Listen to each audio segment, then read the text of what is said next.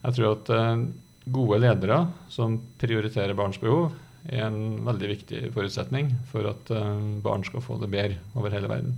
De helsepersonellet som vi har lært opp eh, i disse teknikkene, de sier vi har reddet et barn i dag, vi har reddet en mor. Og det viser at det er faktisk mulig å endre den situasjonen. Hver dag fødes rundt 380 000 barn i verden. For mange av de her barna vil den største utfordringa være å overleve de fem første årene av livet. For mer enn 90% av barn som dør før de fyller 18 år, dør før de fyller 5.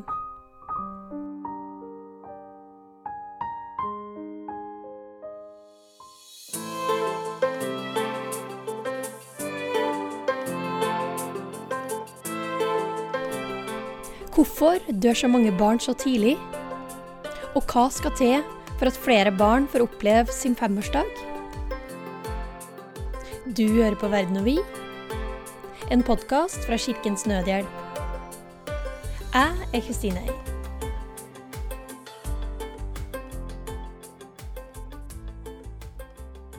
Det kan faktisk gå utover utviklinga og gi en uopprettelig skade hvis barnet ikke får i seg den maten som det trenger, spesielt de første få leveårene. Jeg heter Kjetil Størdal. Jeg er barnelege. Jobber på Oslo universitetssykehus eh, og på universitetet som professor i barnesykdommer. Kjetil, hvorfor er det så mange barn som dør før de fyller fem år? Den eh, korte forklaringa er at eh, de minste ungene er dem som er de mest sårbare.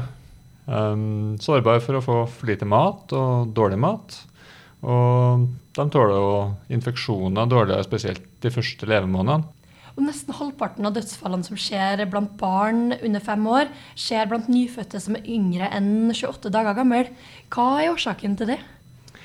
Eh, nyfødte er jo enda mer sårbare enn eh, større unger. Det er ingen spøk å bli født. Um, mange av dem som dør, de dør eh, faktisk allerede det første døgnet etter fødsel og pga. Oksygenmangel etter en komplisert fødsel. Men den aller største gruppa det er dem som blir født før tida premature. Eh, de trenger ekstra mye hjelp i starten for å bli sterke nok.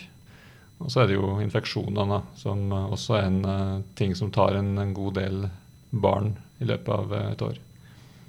Og Hva er de viktigste tingene et barn trenger for å overleve den første delen av livet?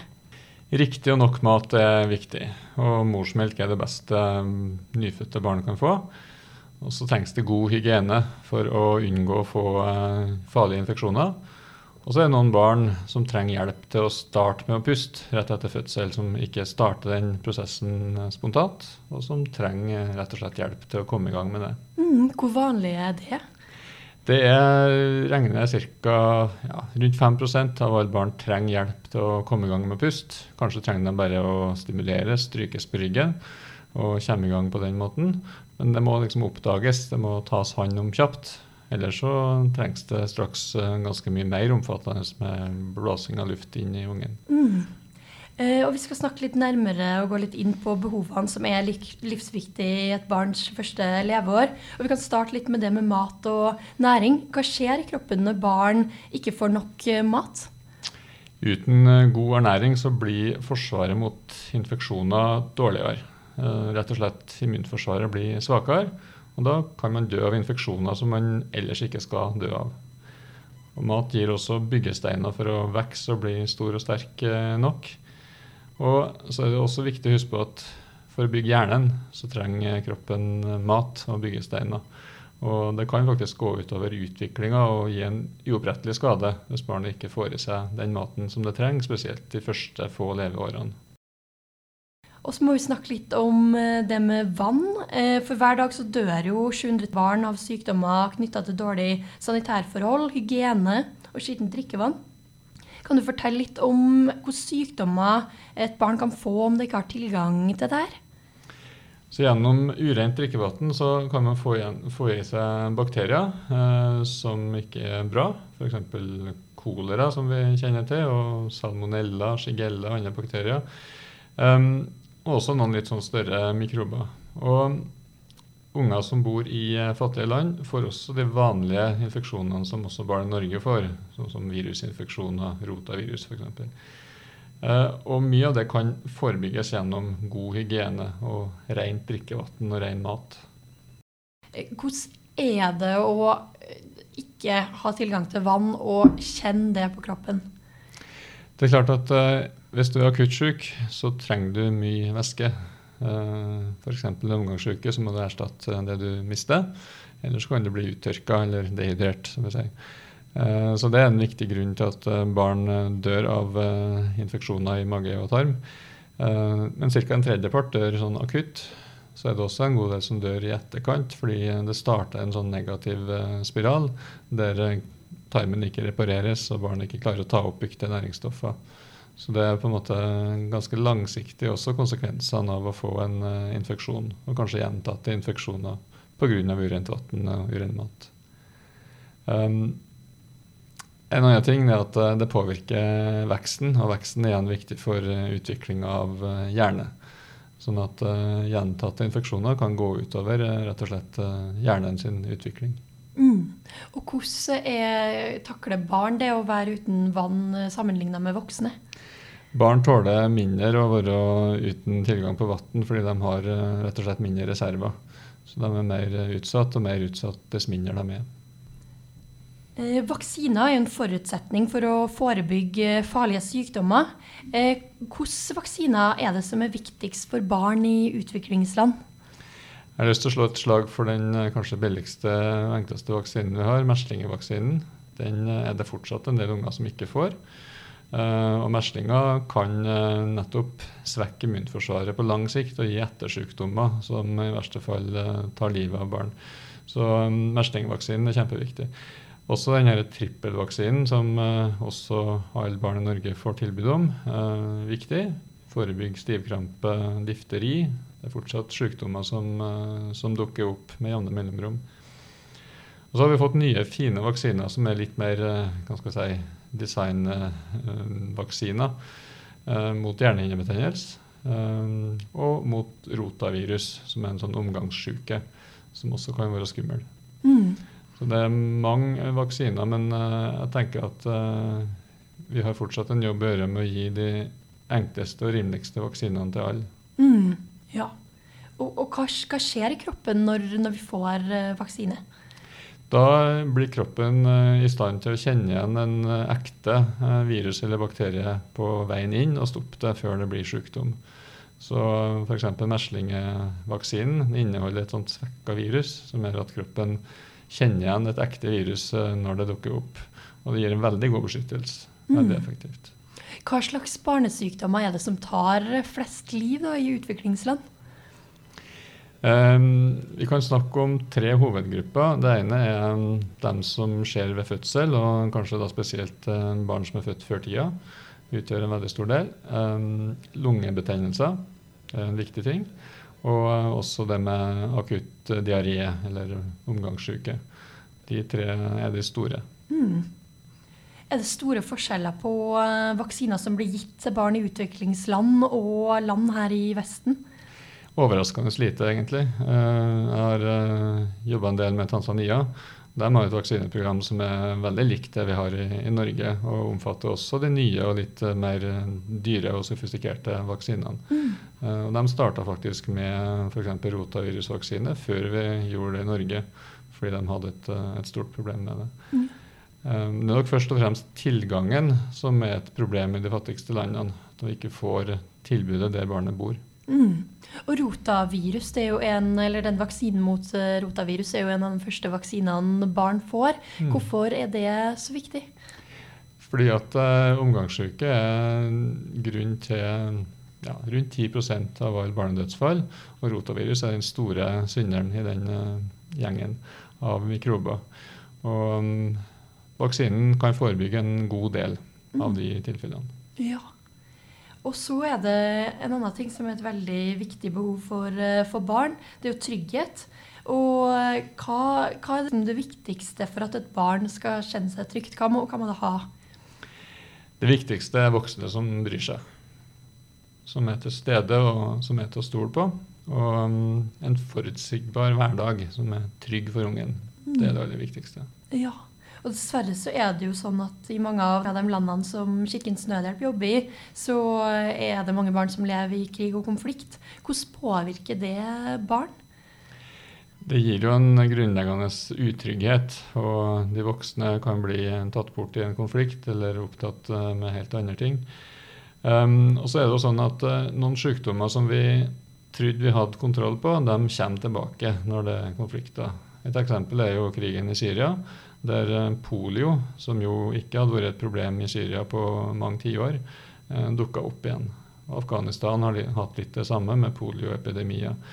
Og det er helt unødvendig, og et uh, resultat av at helsetjenester knekker sammen i en konflikt. Mm. Og hvordan kan man best hjelpe barn som, som har vært utsatt for uh, krig og konflikt? Det viktigste, og kanskje enkle svaret, er at uh, det viktigste er å slutte krig. Men også å prioritere barns behov i en konflikt. Sørge for at grunnleggende helsetjenester er på plass. Sørge for at skoler ikke må stenge. Skoler er viktig både for utdanning, men også for en del matvareprogram. Sånn at barn skal ha høy prioritet også når samfunnet ellers sliter i en konflikt. Mm. Og Kjetil, som vi har snakka om nå, så er det jo veldig mange barn som vokser opp i dag under vanskelige forhold. Noe som gir barna en svært dårlig forutsetning for å klare seg gjennom de første årene av livet. Eh, hvordan kan vi snu statistikken sånn at flere barn overlever? Jeg tror det er viktig å peke på at vi har klart mye. I løpet av de um, siste 20 årene siden tusenårsskiftet så er det faktisk en halvering i antallet barn som dør per år før fem år. Og det um, har jo skjedd fordi man har sett det høyt på dagsorden.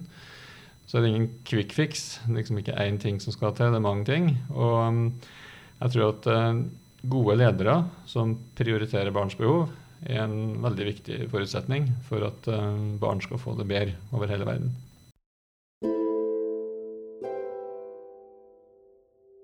Så hvis du da skal ta ungen din eh, av gårde på en helseklinikk, og også da ikke ha jobb den dagen, så får det store konsekvenser for deg. Så det gjør at du kanskje da ikke velger å vaksinere barnet ditt, selv om du kanskje har sett og hørt at det er kjempeviktig.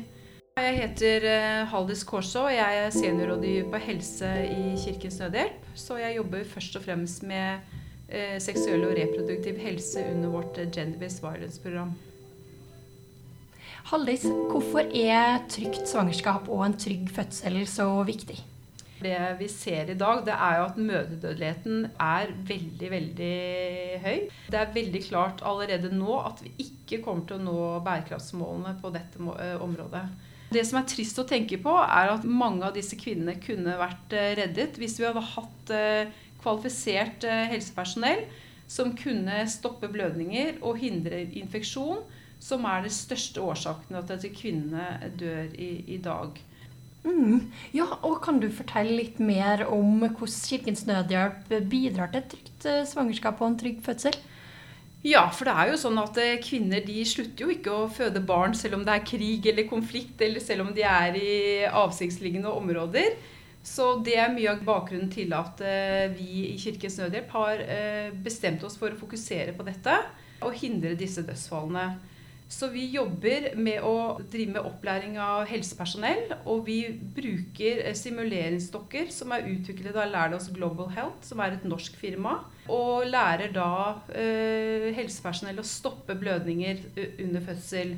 Og det gjør eh, at når de bruker disse simuleringsdokkene, så blir de mye tryggere i den eh, situasjonen. Og, og klarer å på en måte hjelpe kvinnene.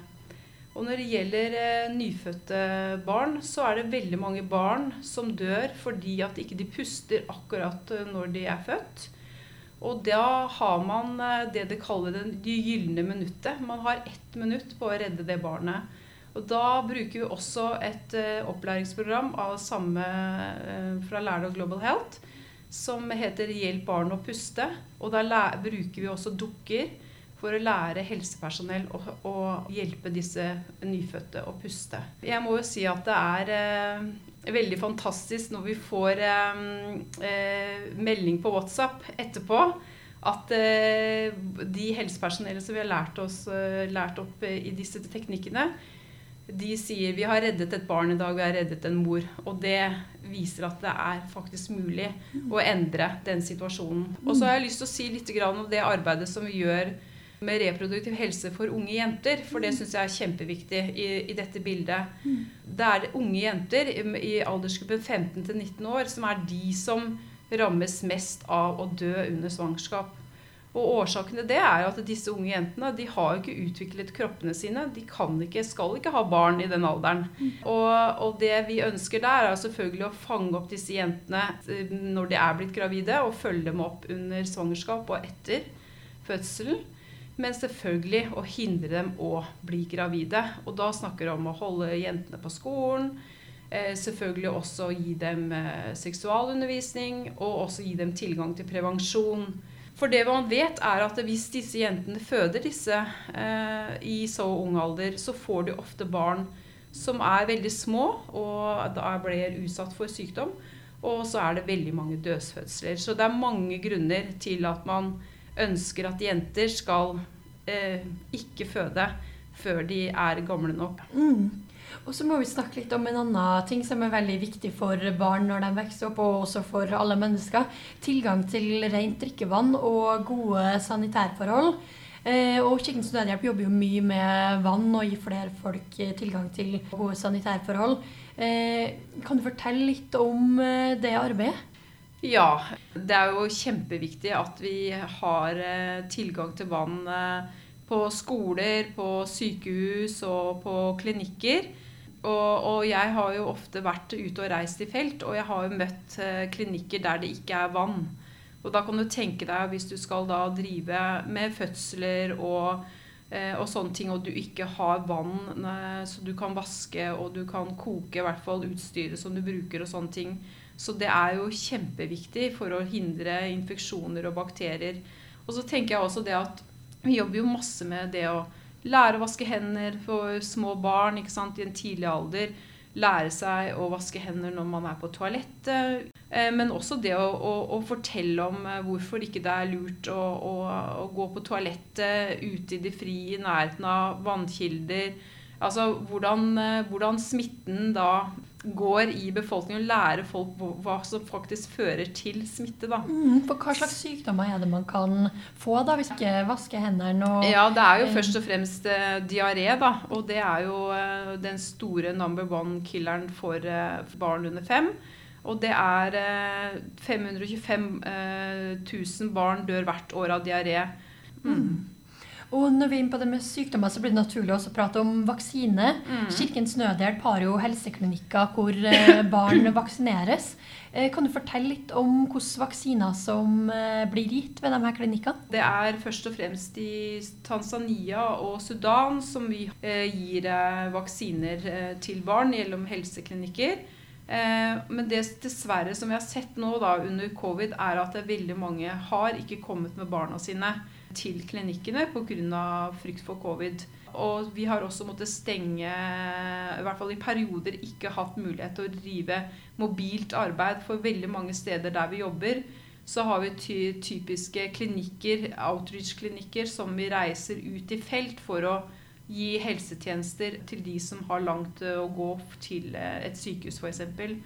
Og når de også har vært stengt, så betyr det at eh, folk ikke har fått eh, eh, vært med på dette barnevaksinasjonsprogrammet mm. som de skulle. Så vi må nesten anta at vi får en oppblomstring av en del sykdommer nå etter at covid har kommet. Men uavhengig av eh, korona, så er det mm. jo mange barn som ikke får vaksine i det hele tatt. Mm. Eh, hva slags sykdommer får dem? Mm. Jeg syns det er kjempeviktig at vi snakker om det. fordi at uh, i bærekraftsmålene så sier man at ingen skal bli utelatt. Og ofte på bistandsspråket da, så sier vi at det er de marginaliserte gruppene. Men det er alltid noen barn som ikke vi når. Og, og de, disse er ofte de som ikke blir telt med helsestatistikker. De finnes på en måte ikke. Og det gjelder jo da barn med funksjonshemninger, det gjelder eh, barn av ja, urfolksbakgrunn. Og så gjelder det barn som lever i, i, slum, og de er det jo ganske mange av rundt om i verden. Og i 2019 så skrev eh, det store medisinske tidsskriftet The Lancet om disse barna her. Og de sa at de regner med at det var 14 millioner barn som ikke har fått vaksine i det hele tatt sitt første leveår i 2019. Og vi vet at dette antallet har økt under pandemien. Og jeg tenker at uh, mye av det som Kirkens Nødhjelp også har snakket om under covid, er jo på en måte at man ikke må glemme de vanlige uh, barnevaksineringsprogrammene. Uh, og det drukner jo litt i, i all covid-diskusjonen. Men dette her får veldig alvorlige konsekvenser på lang sikt hvis disse programmene stopper opp. Mm. Kirkens Nødhjelp jobber i mange land med høy barnedødelighet. Mm. Hva må til for å snu denne utviklinga? Ja, altså vi tenker jo ofte det at eh, når barnedødeligheten eh, går ned når land blir rikere Men jeg tenker at det er viktig å også vite det at det, eh, det kan være stor barnedødelighet i land som også blir ansett som å ha en stor middelklasse og, og mange rike mennesker. Og ifølge UNICEF så er det faktisk 80% av verdens dødelighet blant barn er i fem land i verden. Og det er DRC, Etiopia, India, Nigeria, Pakistan. Og derfor så kommer vi ikke utenom Hvis du skal snakke om reduksjon av barnedødelighet, så må vi snakke om ulikhet. Det er kjempeviktig. Og vi vet at eh, fattigdom har en stor innvirkning på helse. Og man snakker ofte om en sånn spiral. Hvis vi tar et sånt eksempel som India er veldig nærliggende å, å snakke om i så måte. Eh, fordi man ser at hvis du flytter fra landsbygda eh, og er eh, lavere kaste f.eks., og flytter til eh, byen, og havner du ofte i en slum. Da har du ofte ikke identitetspapirer, og så skal du da søke helsetjenester. Og da viser det seg at det kan være ganske vanskelig, for det vil være langt til den klinikken. For ikke, den klinikken er ikke slummen. Og så må du kanskje ta deg fri fra jobben. Og den jobben er kjempeviktig. Kanskje du har bare dagsarbeid som du får fra dag til dag. Og det er det som gjør at du eh, holder sulten ute. Så hvis du da skal ta ungen din eh, av gårde og stå i en kø på en helseklinikk, og også da ikke ha jobb den dagen, så får det store konsekvenser for deg. Så det gjør at du kanskje da ikke velger å vaksinere barnet ditt, selv om du kanskje har sett og hørt at det er kjempeviktig. Og så hvis du endelig da kommer til den klinikken, så må du kanskje betale. Og kanskje du heller ikke får den hjelpen du skal ha, for du har ikke de papirene. Du har ikke fast bopel. Og du er kanskje kasteløs, og de vil ikke hjelpe deg. Og da handler det mer om vaksiner. Da handler det om, om fattigdom, og det eh, handler om å bekjempe ulikhet.